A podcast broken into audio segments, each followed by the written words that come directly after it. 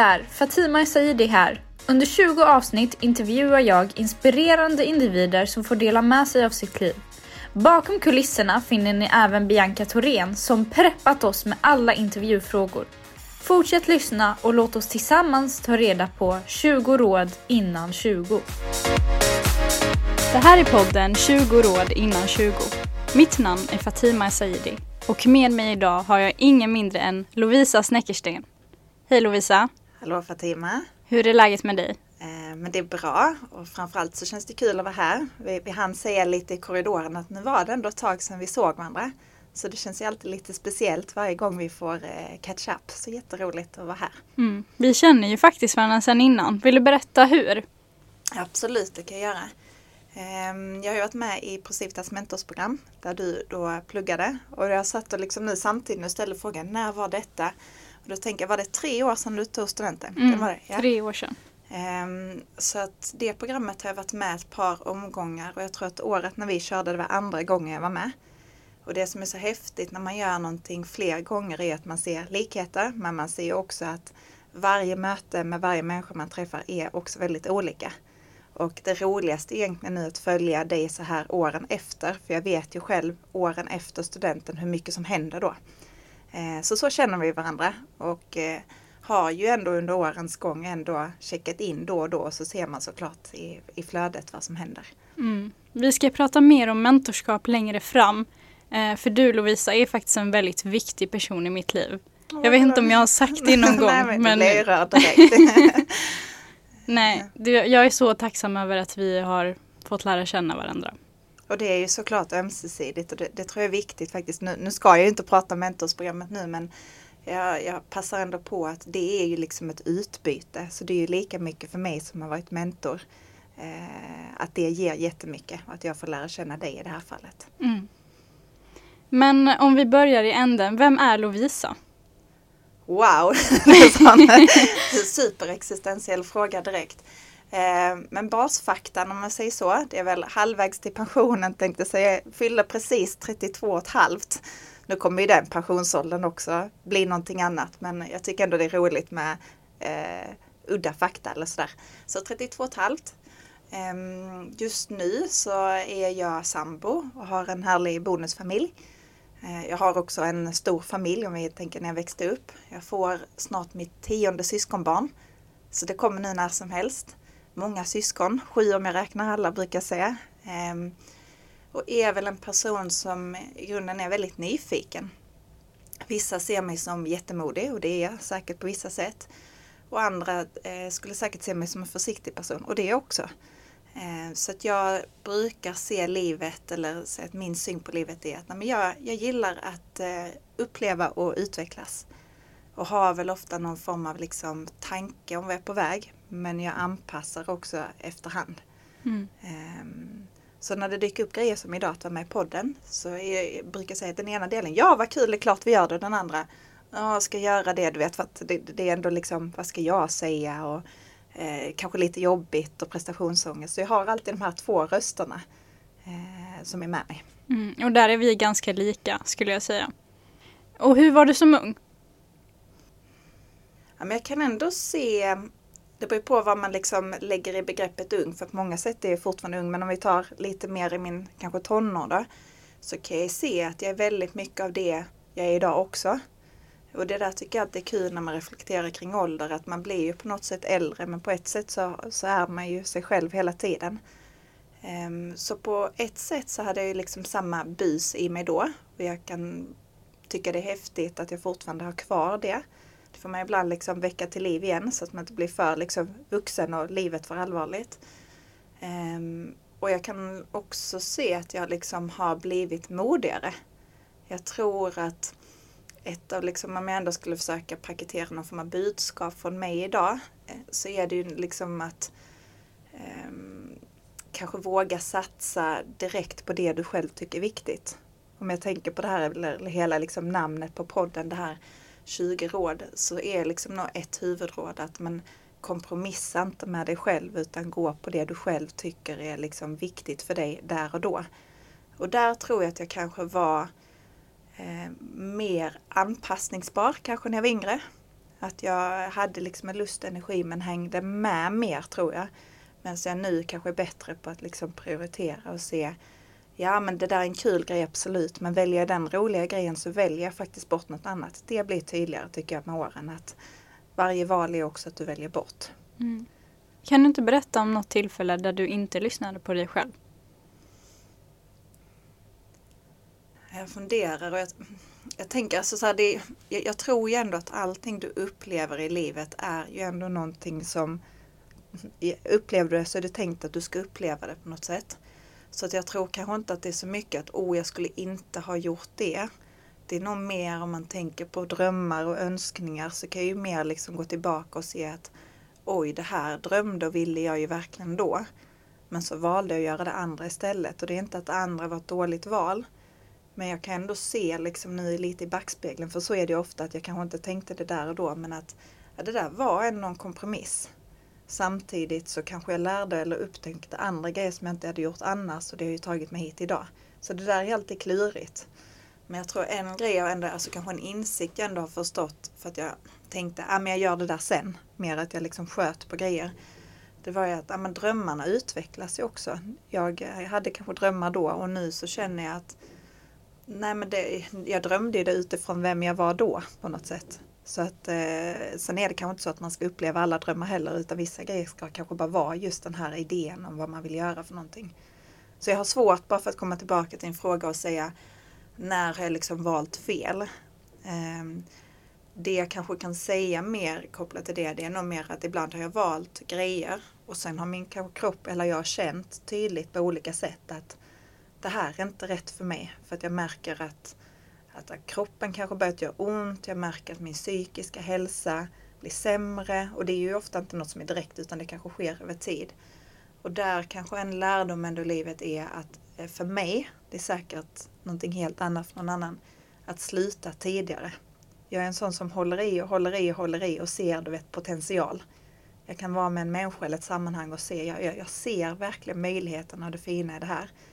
Och då tror jag att jag kanske hade mått bra av att ibland inte se så mycket potential utan se att tajmingen är inte rätt eller det är inte jag som ska göra detta utan bara släpp det och gå vidare. Mm. Jag har hållit i för mycket. Mm. Där är vi också ganska lika för jag brukar tänka så här, har jag startat igång ett projekt så vill jag också avsluta det. Men hur kommer man ifrån det tänket? Ja, men det, det, tror jag faktiskt att många, både att man, när man är yngre men också, jag märker i det arbetslivet nu också att jag tror att vi ändå har det många av oss i oss att precis som du säger, har man börjat någonting så vill man slutföra det så.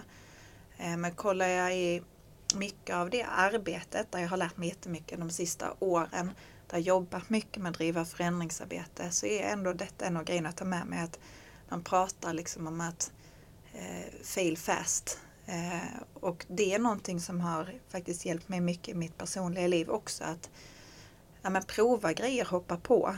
Men märker du att du inte flyger eller i det här fallet att du inte mår bra eller eh, känner att det inte är rätt för dig. Avsluta det. Sen kan man, jag tycker alltid att det är jätteviktigt hur man hanterar grejer. Jag är väldigt öppen för, men låt livet hända men hantera det på ett bra sätt. Det betyder ju att, säg att vi skulle ha bokat in och göra den här podden idag. Eh, då frågat massa olika personer och sen så kanske jag är lite snabb. Det är en sån grej jag har fått jobba mycket med att jag ofta säger ja liksom direkt och där jag får träna på att okej okay, Lovisa, ta till dig frågan, ge besked imorgon för att då har den liksom hunnit landa. Men kanske jag säger att, ja direkt då. Säg att jag då skulle känna att ah, men det, här, det här är verkligen inte rätt.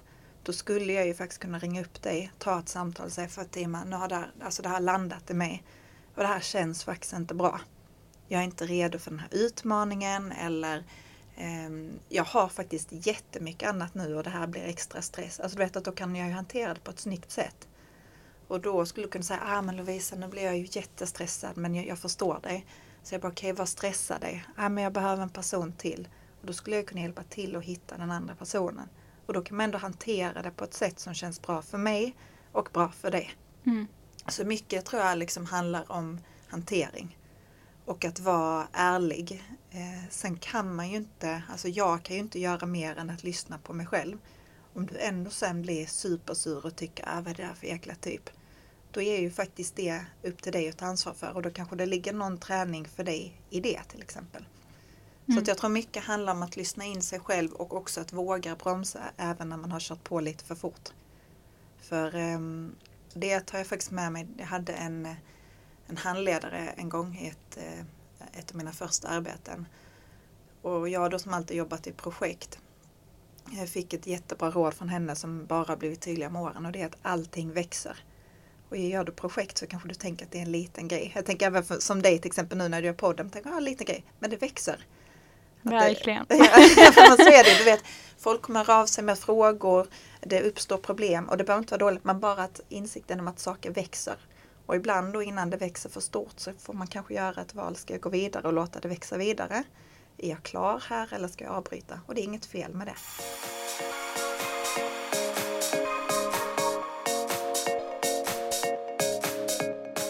En annan viktig grej som jag tycker borde nämnas är att absolut, eh, man har ett val att liksom kunna avsluta ett projekt när det inte är kul. Men man får också vara beredd på att det inte kan vara kul hela tiden. Ja, och där, där tycker jag du lyfter något viktigt. För mig handlar det inte om eh, kul, alltså så, utan det handlar nog mer vad som är rätt. Um, för har du liksom gått in, här är någonting jag ska göra och jag, jag tror på detta. Då får du komma ihåg också att eh, ja, men det känns inte jättelattjo alla dagar. Och ibland går du upp och tänker, ah gud vilken ångest och så, men du har ändå liksom satt en riktning, det här vill jag göra. Eh, och så är det ju allt i livet, det är med relationer, med jobb och alltså allt. Eh, däremot så tror jag ändå att om du lyssnar in dig själv så kan du ändå känna att ah, det här är inte rätt för mig. Du kanske märker liksom, det är skillnad på att vara lite pirrig och nervös som jag kunde känna såklart när vi skulle sätta igång detta idag. Och att din kropp, alltså du kanske går och alltså får jätteont eller mår liksom, du kan inte sova på natten. Då är det nog inte rätt för dig just då. Sen om det är för att det är en för stor utmaning eller som sagt för mycket stress eller vad det är. Det kan vara många olika anledningar. Och då är det en annan sak. Så det handlar mer om eh, att, om det är rätt eller inte än om är det kul eller inte. Tycker jag, eller tänker jag. Mm. Och på tal om kul mm. så har du någonting som du kallar för kulkontot. Mm. Kan du inte berätta lite om det? Um, absolut, kulkontot. Vad är kulkontot? Jo, men, alltså, om jag ska bli väldigt så konkret så är det egentligen att eh, jag har en, ett konto på banken som heter kulkontot. Eh, jag tror jättemycket på ord och att de, eh, ord har en betydelse. Så att det sätter ju också en viss förväntan. Och när jag får in min lön eh, så gör jag så att jag avsätter en viss pott av den lönen varje månad till kulkontot. Och då är det helt enkelt tänkt till att göra grejer som får mig och eller andra att må bra. Ehm, så det är liksom en, en form av öronmärkning. För annars tänker jag att det är lätt att det spelar ingen roll om du får in lite pengar på kontot eller mycket pengar på kontot. De tar ändå oftast slut på något, eh, något sätt. Och då har jag ändå sett över mina egna prioriteringar, vad jag tycker är viktigt. Och så sätter jag liksom en struktur för det. Och kollar jag på kulkontot så har det också varit väldigt olika genom åren vad det går till. Ehm, det kan vara liksom allt ifrån att jag väljer att stötta en verksamhet som jag tror på. Det kan vara att men eh, här är en vän som jag ändå skulle vilja skämma bort och visa. Nu handlar det inte om pengarna i sig utan det är ju intentionen som är det viktiga.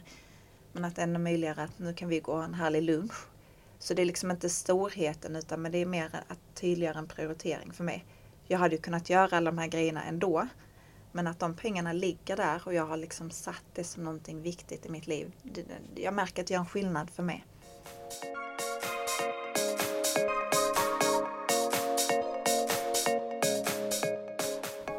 Jag beundrar verkligen din påhittighet. Eh, en annan grej som jag har fått höra är 29 drömmar till 29. Berätta mer. Nu är jag ju som sagt eh, 32, snart 33 eh, och jag gjorde den här eh, 29 drömmar till 29. Tror jag satte igång den kanske när jag var 28 någonting. Ehm, och tanken med det var liksom inte, vad ska man säga, väldigt klar när jag satte igång det. Utan det där tror jag är en typisk sån grej att du eller andra säkert kan eh, liksom kolla på det och tänka Åh, det där var säkert jättegenomtänkt. Nu ska inte jag lägga på dig vad du tänker och tror men jag har fått höra från andra att oj, hur tänkte du då hur lade du upp detta? egentligen började som det ofta gör för mig att jag får en ganska tydlig, ja men tydlig känsla då kanske. Att eh, det här ska du göra. Eh, och då började jag lista grejer som jag kände det här är positiva saker för mig som är kul och utvecklande. Många av dem lite läskiga. Många av dem som jag kanske inte riktigt hade vågat om att eh, alltså, göra innan. Men jag tror att allting egentligen handlade om att jag just då i livet hade varit i en period som var eh, väldigt utmanande för mig. Jag var väldigt trött känslomässigt och kände att jag behöver en riktning. Så för mig blev detta egentligen bara ett sätt att bygga energi och mer självförtroende igen tror jag. Och vissa grejer vet man ju som sagt när man gör det och andra grejer blir tydligare sen. Men egentligen handlar det inte alltid om liksom, oh det är exakt den här upplevelsen utan det var nog mer ett sätt för mig att komma till en mer positiv plats. Och jag kan, det här nu hoppar jag lite men jag jämför med min eh, farmor. Jag kommer ihåg hur hon, det här var kanske på 80-talet. Eh, hon hade separerat, det var inte så vanligt på den tiden och så men så kände hon själv att ah, jag, jag är inte på en bra plats. Jag tycker att jag är för negativ. Så jag måste göra någonting med mig själv. Jag behöver ruskas om. Och då valde hon att jobba för att vara tandläkare och då valde hon att jobba i Saudiarabien ett år. För hon sa det att jag gör detta för att jag behöver ändra mitt mindset och det kommer jag göra om jag sätter mig i en annan situation. Och det vet jag ju också efter som jag då har jobbat så mycket med förändringsarbete att det handlar verkligen om att vara öppen för att sätta dig i liksom en miljö som utmanar dig. Sen ska utmaningen vara lagom stor så att du inte får liksom Eh, panikångest och superstress. Men jag tror faktiskt att eh, det var mycket det som listan handlade om. Även om man kollar på aktiviteterna så var det väldigt mycket kul. Och, eh, men för mig handlade det faktiskt om att sätta mig själv i fokus efter längre perioder där jag hade, kanske på tal om anpassning igen, ehm, gått lite för långt i att göra för bra på jobbet och för bra för min omgivning och lite tappat mig själv tror jag.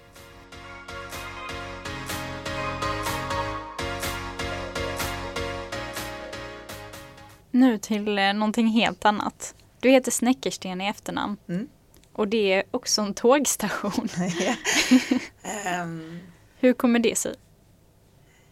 Jag ska gå in på den. Sen ska jag bara säga, jag hoppar in och pausar lite här. Jag är så ovan att sitta att man bara babblar på. Jag sa, men jag vill ställa frågor till dig. um, ja, för. Lovisa har ju själv eh, varit en poddare.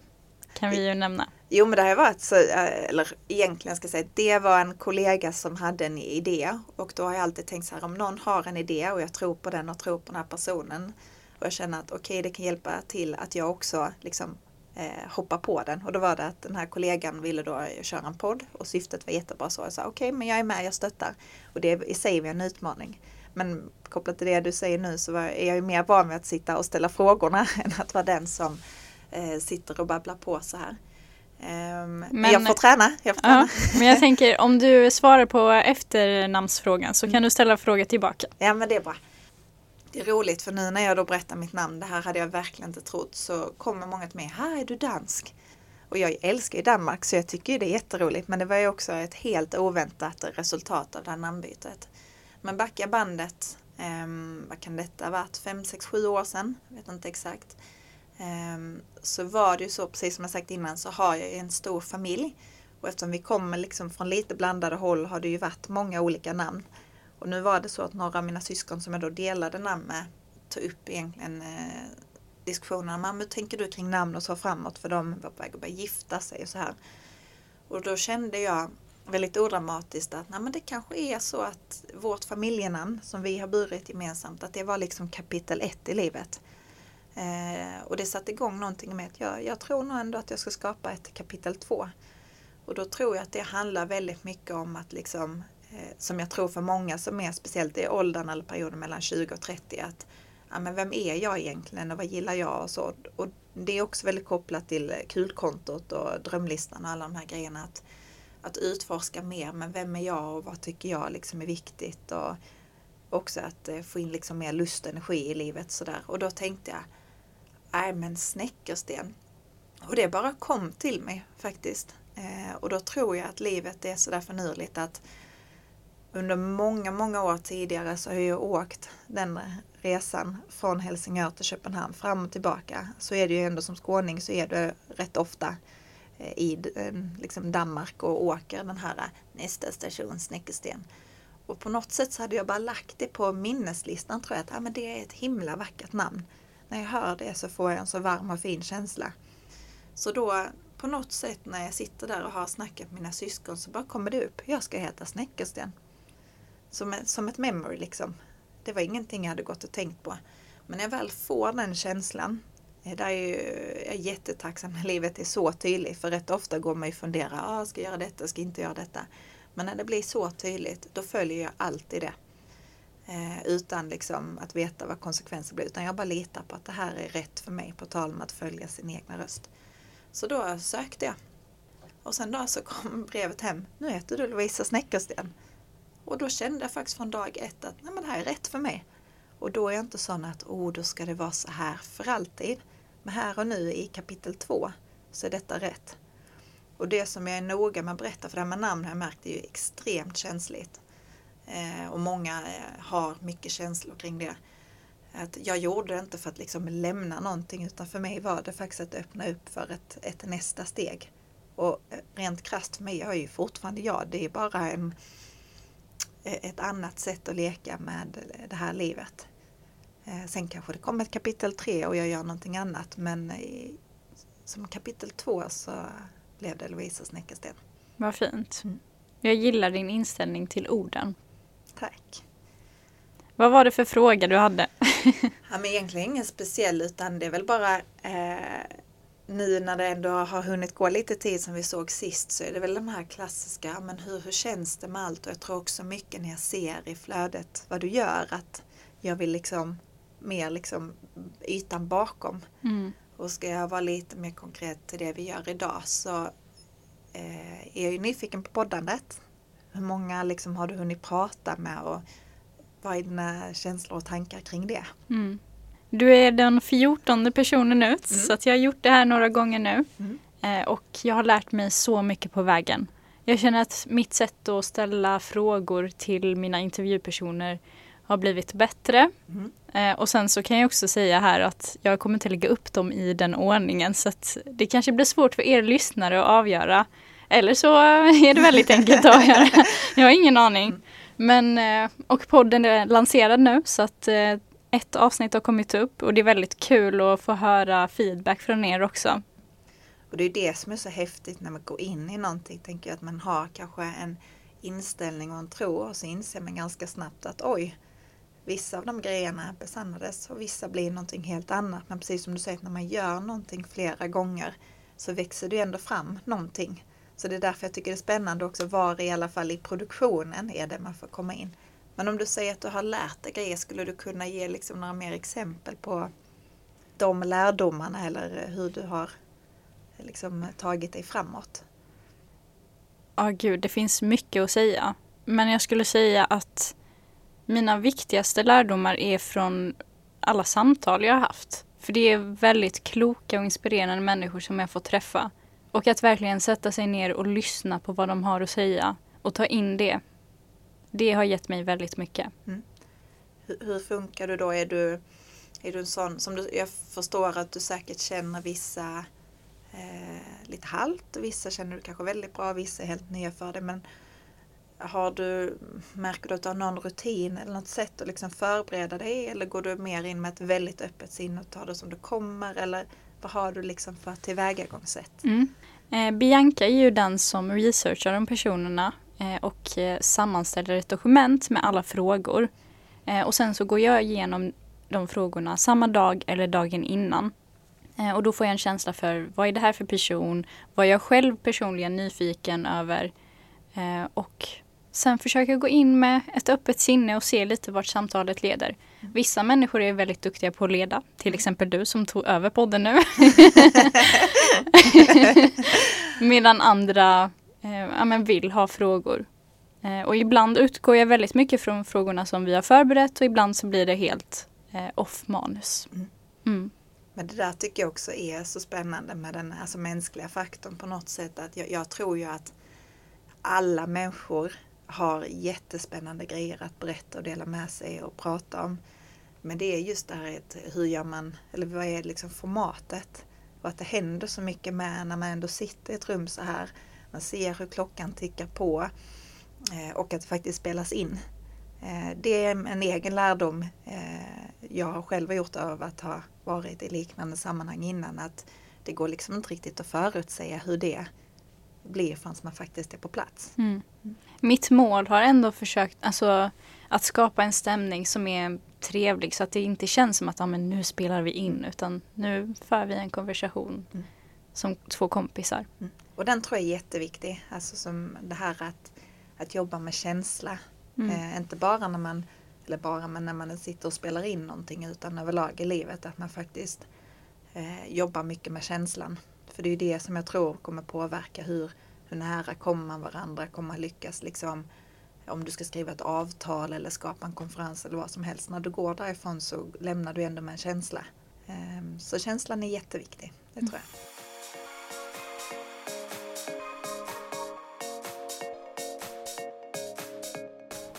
Ska vi gå tillbaka till att prata lite om mentorskap? Mm, absolut. Du har varit mentor till många personer eh, och det är jag väldigt tacksam över. Eh, men hur kommer det sig att du liksom valde att bli en mentor?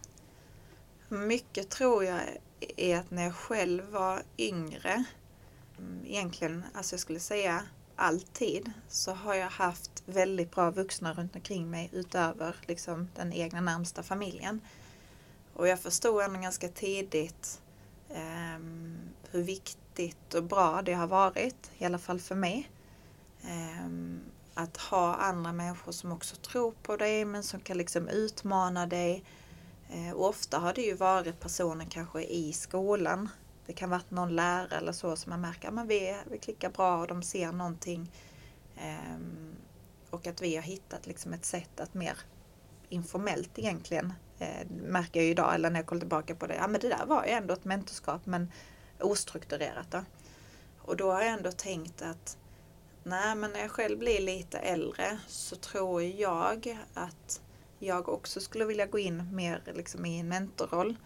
Och inte för att jag sitter på massa bra grejer men det är klart att eftersom jag själv har haft mentor och att jag också har jobbat med vissa delar så tror jag att andra skulle ha glädje av det. Och jag vet i många mentorsprogram, de mer formaliserade, eh, så är många ännu lite äldre och det kanske har ett väldigt tydligt businessfokus och så. Och där tror jag att jag själv kanske har saknat också yngre personer som går in där alltså åldersskillnaden inte blir lika stor så att man har det lite mer färskt i minnet så. Så att jag tror bara att jag gick och bar på det. Och, och där tänker jag också att livet är förnyligt. Att om du någonstans grundar dig själv och känner att det här skulle jag vilja göra. Du behöver inte alls uttala det alltid. Och det där kan man ju prata om. Ska man säga högt vad man vill eller ska man inte göra det? Men i alla fall så blev jag kontaktad av då eh, Karina som jobbar på Civitas med att sätta ihop mentorsprogrammet. En jättefin kvinna och jag berömmer henne jämt för att hon har ett sånt genuint engagemang för eleverna och för skolan. Och att verkligen hitta bra matchningar. Så det var så jag började ehm, och var såklart jättesmickrad att, åh, men att åh, jag kände, får jag vara med på detta? Och det har jag också tränat mycket med åren, att alla människor, även jag själv, har ju mycket att ge. Eh, så att ingen är bättre eller sämre utan det handlar liksom bara att nej, men det här är rätt just nu. Eh, så det var så jag kom in på det. Och mentorsprogrammet funkar ju så att det är ni som adepter som ju själva skriver. Ja, det är egentligen bättre att du själv berättar om den processen. Men jag har nästan glömt. Men jag vill minnas i alla fall att, det, att ni har någon form av liksom, det här skulle jag eh, vilja prata om eller detta är viktigt för mig. Eh, och då är det klart att många har varit väldigt så, nej men, mer karriärsinriktade. Medan vissa, de, alla er jag får träffa har varit mer, men vi vill ha mer öppna samtal om livet och funderingar och eh, på tal om ska jag ta denna vägen eller den och mycket liksom om prestation och de här bitarna. Så mer öppna samtal. Vilket jag tycker är jätteroligt. Så att vi har ju mötts där någonstans. Eh, sen är det ändå viktigt såklart att man hittar någon form av riktning tillsammans. Men jag har ju också då fått läsa alla de här breven från er som ni själv då först har skickat in till Karina. Eh, och utifrån det så har jag ju tillsammans med dig och de andra byggt liksom att så här ska vi lägga upp vårt år. Kan du inte berätta om någon lärdom som du har fått med dig från en mentor som du har haft? Ja, men jag hade ju när jag gick i gymnasiet så hade jag en lärare och tidigare elitidrottare var min idrottslärare. Och hon betydde jättemycket för mig. Och där är det alltid klurigt att jag ska liksom inte, hon är en fantastisk människa men om jag ändå fokuserar på min egna utveckling att, att hon hjälpte mig att hitta mina egna nycklar. Så att det, det är inte så att någon annan som ska sitta och berätta hur du ska göra utan vårt sätt att prata eller hennes sätt att finnas där funkade väldigt bra för mig. Så att jag tror nog att det viktigaste jag tar med mig därifrån är att det finns en annan människa som faktiskt ger det spacet. Eh, och jag var såklart nyfiken på henne och så också men att ändå förstå att ansvaret ligger hos mig själv. Hon kan vara liksom ett bollplank och hon kan hjälpa till och liksom spegla. Men det gav mig väldigt mycket. Och vissa grejer var ju sånt som var tydligt då och annat är sånt som liksom fortsätter att, för att man utvecklas ju hela tiden. Och eh, pusselbitar eh, faller ju på plats liksom efterhand. Och vänder det sig sen till när jag själv har varit mentor så tror jag att den största kanske insikten är så här att oj, här sitter jag ändå med en, en eh, annan människa. Och även om jag har gått in med inställningen att vi är liksom helt jämbördiga så är det ju ändå i och med att det finns en rollfördelning, en adept och en mentor, så är det ju inte en obalans men det är ju, man är ju ändå på olika platser. Och där har jag ändå förstått att jag som äldre i det här fallet har ju ändå en påverkan. Och den tycker jag har varit det absolut svåraste för på ett sätt så, så vill man ju påverka och samtidigt så vill ju inte jag färga dig eller de andra på ett sätt som inte är bra för er. Så det är nog den största träningen att liksom utmana, lyssna in, dela med sig men ändå att eh, det, ser att det, det handlar faktiskt om det. Men om du själv tänker på vårt mentorskapsprogram, vad, eh, eller vår, liksom, det året vi hade tillsammans, hur går mm. dina tankar då? Jag kollade faktiskt tillbaka för att efter varje möte som vi hade eh, 2019 och 2020 blir det då. Mm. Eh, så skrev jag en liten kort anteckning. Idag pratar vi om det här. Eh, och så gick jag tillbaka och kollade på det igår mm. och kände bara wow. Tänk att vi liksom hann med alla de här områdena. Mm. Och jag känner verkligen att du har förändrat eh, sättet som jag tänker kring vissa saker. Eh, och det nämner jag faktiskt också i första avsnittet med Dragos. Jag vet inte om du har hunnit lyssna än? Nej, det har inte hunnit. Nej, då har du något att se fram emot. Mm. Um, så att jag är väldigt, väldigt tacksam över att vi um, har haft de konversationerna. Men vad tror du det, alltså man ändå ska försöka liksom gräva lite i det, vad tror du i, i det här upplägget gör att detta händer hos dig? Jag tänker att det kan vara många saker men kan du själv ändå liksom försöka pinpointa att men detta gjorde skillnaden för mig? Mm. Även om vi inte är identiska individer så har vi mycket gemensamt och att jag kan berätta om en situation, dela med mig, sätta ord på, sätta ord och liksom tankar på, eller vad säger man? På mina känslor och mm. tankar. Det är väldigt nyttigt mm. och, och liksom kunna säga det högt. Och sen att du också kan ta in det, eh, ge dina råd utifrån vad du själv har upplevt. Eh, det känns väldigt nyttigt. Men jag vet inte, det är bara, det är magi.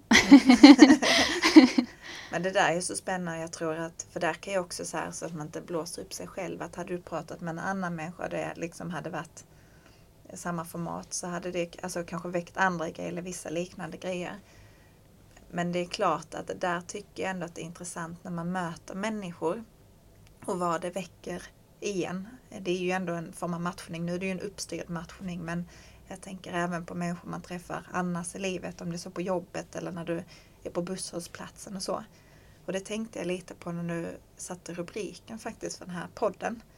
Eh, eller för vårt avsnitt. För att det har ni ju ändå gjort tidigare och jag förstår det som att ni ändå haft någon form av idé vad man ska prata om men också att det är ett väldigt öppet sinne för hur det utvecklas. Mm. Men kan du inte berätta lite med hur tänkte ni, eller du, jag vet inte om ni har, du och Bianca ja, jobbat med det tillsammans? vi har eller? försökt jobba mm. lite tillsammans. Mm. Vi tänkte att vi ville att de här 20 råden skulle vara lite spridda. Mm. Eh, och i början så var det så här, vi var väldigt noga med att liksom fråga personen, mm. vad vill du prata om, vad är ditt budskap? Mm. Eh, och det tycker jag ändå att vi har lyckats få med idag också, med att lyssna på sig själv till exempel.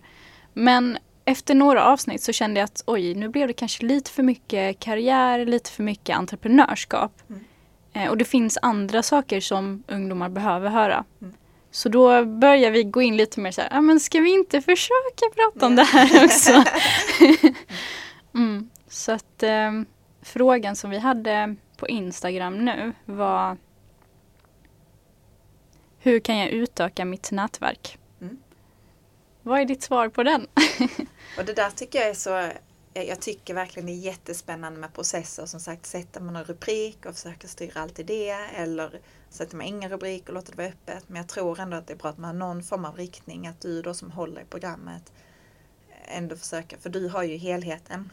Jag förstår utmaningen annars med att man bara pratar med alla. att Det kan bli väldigt mycket lika eller det kommer en helt annan. Då bara, ja men det är spännande att prata om det men det är ju detta jag har fastnat för. Så det tycker jag är bra. När jag hörde rubriken själv så, så väcker ju den tankar i mig. Jag bara, gud är det här rubriken på, på mig och liksom det jag ska säga? Och då tror jag eh, att det är att jag har aldrig aktivt gått in för att bygga nätverk. Utan jag tror att jag har en inställning att okej, gör grejer. Du möter på människor, skapa grejer med de här människorna. Vissa människor träffar du en gång och gör något jättehärligt. Vissa gånger eller personer kan det vara att du, du träffar dem liksom sporadiskt under många, många år. Eh, alltså att jag har ändå märkt att människor i ens liv, de, de kommer ju in lite när de ska. Och många gånger kommer de tillbaka när man inte trodde att de skulle komma tillbaka. Någon gång är du på en resa och tänker, ja men här var vi och åkte buss och pratade i två timmar oavbrutet. Ja, vi kommer vara vänner för livet och så pratar man aldrig med dem igen. Så jag tycker det är så intressant med möten med människor och att du hela tiden, om du är öppen för det, träffar de människorna som kan ge dig nycklar framåt. Och ibland är det ett väldigt tydligt utbyte och ibland är det så att jag skulle hjälpa till med den här nyckeln till den andra eller tvärtom.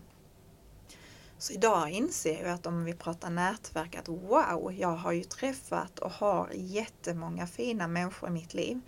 Och med fina så menar jag både de som är jättepeppiga och de som retar mig så att jag blir tokig men som också liksom triggar igång och liksom ger mig saker att jobba med med mig själv. För att ofta handlar det ju faktiskt om det. Det är liksom inte den där borta som är dum utan den, den väcker faktiskt något här. För jag har en inställning att de allra flesta människorna på jorden är goda och, och vill gott. Sen kommer ju alla liksom med ett bagage och har grejer att jobba med så. Och detta, bara för att koppla ihop lite till det vi har pratat om innan så, så har jag en story från precis faktiskt när jag tog studenten. Och då var det att precis när jag hade tagit studenten, eh, jag flyttade hemifrån i trean för att mina föräldrar tyckte att jag var redo då. Jag var lite överraskad själv. Ehm, och då bodde jag med min stora syster ett tag och sen skulle hon flytta till Sydamerika. Och då skulle jag och några kompisar åka och jobba i Norge, klassikern som många gör. Vi hamnade i Norge, några av oss. Några hade på vägen liksom trillat av av olika anledningar, på tal om att följa sin egna känsla. Och sist sist står jag själv i Norge för att de andra då har lämnat och jag känner, jaha vad gör jag nu? Och då åkte jag ju hem igen till Skåne och det tyckte jag ju var liksom ett jättemisslyckande. Men hallå, jag ska ju iväg, jag vill någonting annat. Men då märker man också att livet tar en liksom där fram, lite tillbaka och sådär. På tal om att då var inte detta rätt väg för mig. Och då, under den hösten så bor jag med min farmor. Och hon och jag satt på kvällarna och kollade på TV. Att vi förberett en liten fruktbricka, lite mörk choklad och så kollade vi något program. Och farmor var verkligen också så nyfiken då på mig och hur är var att vara 20-åring idag och vi, vi, liksom, vi pratade väldigt öppet om allt. Och då vet jag att vi såg ett program som hette Familjer på äventyr och en familj var då i Afrika. Och då kom det ändå fram att men jag har ju också alltid drömt om att åka dit. Så på något sätt pratade vi om detta utan att ha någon idé att åka dit. Parallellt då så brukade farmor vara ute och gå med sin syster som hade hund. Och har man hund så hälsar man ofta på andra som har hund. Eh, och den här kvinnan som hade hund, och hon hade också en kompis som var präst som precis skulle pensionera sig. Och hon brukade åka då till de här områdena som jag också var nyfiken på. Så på något sätt så hamnar jag som är liksom 19 år, precis eh, liksom Oh, nu ska jag ta egna beslut. Jag hade gått ut kyrkan för jag kände att jag vill inte vara med i kyrkan. Jag hade blivit blodgivare för jag tänkte att det är en bra grej. Då hamnade jag på ett kyrkmöte med den här kvinnan som då eh, precis höll på att pensionera sig. Och hon brukar göra då arrangerade resor till eh, Tanzania. Hon bara, men jag har honom ett par månader, då kan du hänga på. Och jag tänkte, ett par månader, jag måste göra någonting nu. Och då sa hon, ja men om två veckor åker jag privat. Hon bara, följ du med? Så andra gången jag träffade den här eh, nypensionerade prästen då, det var på flygplatsen i Köpenhamn och då skulle vi åka en månad till Tanzania. Åh herregud vilket äventyr! Alltså det tog mig lång tid att liksom landa i det. Men jag inser ändå någonstans att, på tal om de här två rösterna jag sa innan, att det, det finns ändå någonting i mig som blev så starkt att jag faktiskt bokade den här resan och åkte. Och sen många gånger under resan tänkte varför gör jag detta? Men tänker jag att det här mötet jag fick till exempel med den här prästen då. Vi hade en månad tillsammans och satt och pratade och jag blev inlagd för malaria som var typ min värsta rädsla att bli sjuk, speciellt utomlands. Det var jätteroligt. De ringde från blodgivarcentralen när jag låg där inlagd. Eh, de bara, ah, men du hade en tid nu. Jag bara, jag bara ah, men sorry jag missade den. Jag, jag ligger inlagd för malaria. De bara, du behöver inte komma igen. Så det var så mycket som var så surrealistiskt. Men jag då den här kvinnan, vi umgicks den här månaden och har aldrig hörts efter det. Det var så intensivt och vi hade de här veckorna och hon satt och höll min hand när jag grät på bussen över att jag liksom var sjuk och sådär. Eh, och inget mer. Så att jag tycker, eh, väldigt långsökt, men det är ändå ute efter att du träffar människor. Och hon och jag hade väldigt djupa samtal och vi hade bara känt varandra ett par veckor. Och ibland har du människor som du lever med hela ditt liv men du vet liksom ingenting om dem. Så att nätverkande för mig är också viktigt att man ska inte underskatta de ytliga kontakterna heller. När jag går som idag då när jag skulle komma hit och träffa dig så kanske jag vinkar på någon som brukar vara på kaféet. Ingen aning om vad de heter men jag vet att ah, men de brukar ha en cappuccino med liksom på havrelatte. Men det, det, är ändå någon form av liksom communitykänsla av att vi, vi hejar på varandra varje dag. Och det tycker jag är fint att ett, ett, ett nätverk är inte bara ett gäng bra kontakter utan det är många olika människor som kommer och går. Så att jag har helt släppt den här rädslan som jag hade när jag var yngre. Du vet att, oh, här har jag, det är faktiskt en grej som jag skulle säga till mitt yngre jag. Jag var så, tror jag, extremt rädd och orolig när jag var 19 att jag skulle tappa mina bästa kompisar. Och det påverkade mig jättemycket mina beslut. För jag ville liksom inte tappa det. Jag var så, och det är ju fint att värna vänskap men för mig blev det väl nästan ett hinder. Idag kan jag ju se att det finns mycket, alltså många andra människor som jag behöver lära känna och liksom att vi ska mötas. Och är det liksom tänkt så kommer de andra vännerna finnas där eller komma tillbaka. Så det är faktiskt en grej att vara inte så rädd för det möter jag jättemånga som är 19 och 20. Och jag säger inte att det är rätt eller fel men som är så obekväma med att göra något annat för att bästa kompisen inte vill samma sak. Och där skulle jag säga, men våga göra det du vill för att bästa kompisen har sin väg att gå. Och antingen kommer ni mötas igen eller så gör ni inte det. Men du måste följa liksom din väg. Vad tänker du själv kring eh, nätverkande? Att människor är intressanta och att man ska eh, amen, eh, träffa människor med ett öppet sinne. Och man vet aldrig vad man kan få ut av ett samtal. Eh, och att människor är snälla och vill hjälpa till. Många av de som jag intervjuat känner inte jag. Men efter liksom en timmes intervju så, eh, så har vi kommit varandra närmre. Eh, och nu känns det som att jag kan höra av mig till dem och be om nästan vad som helst.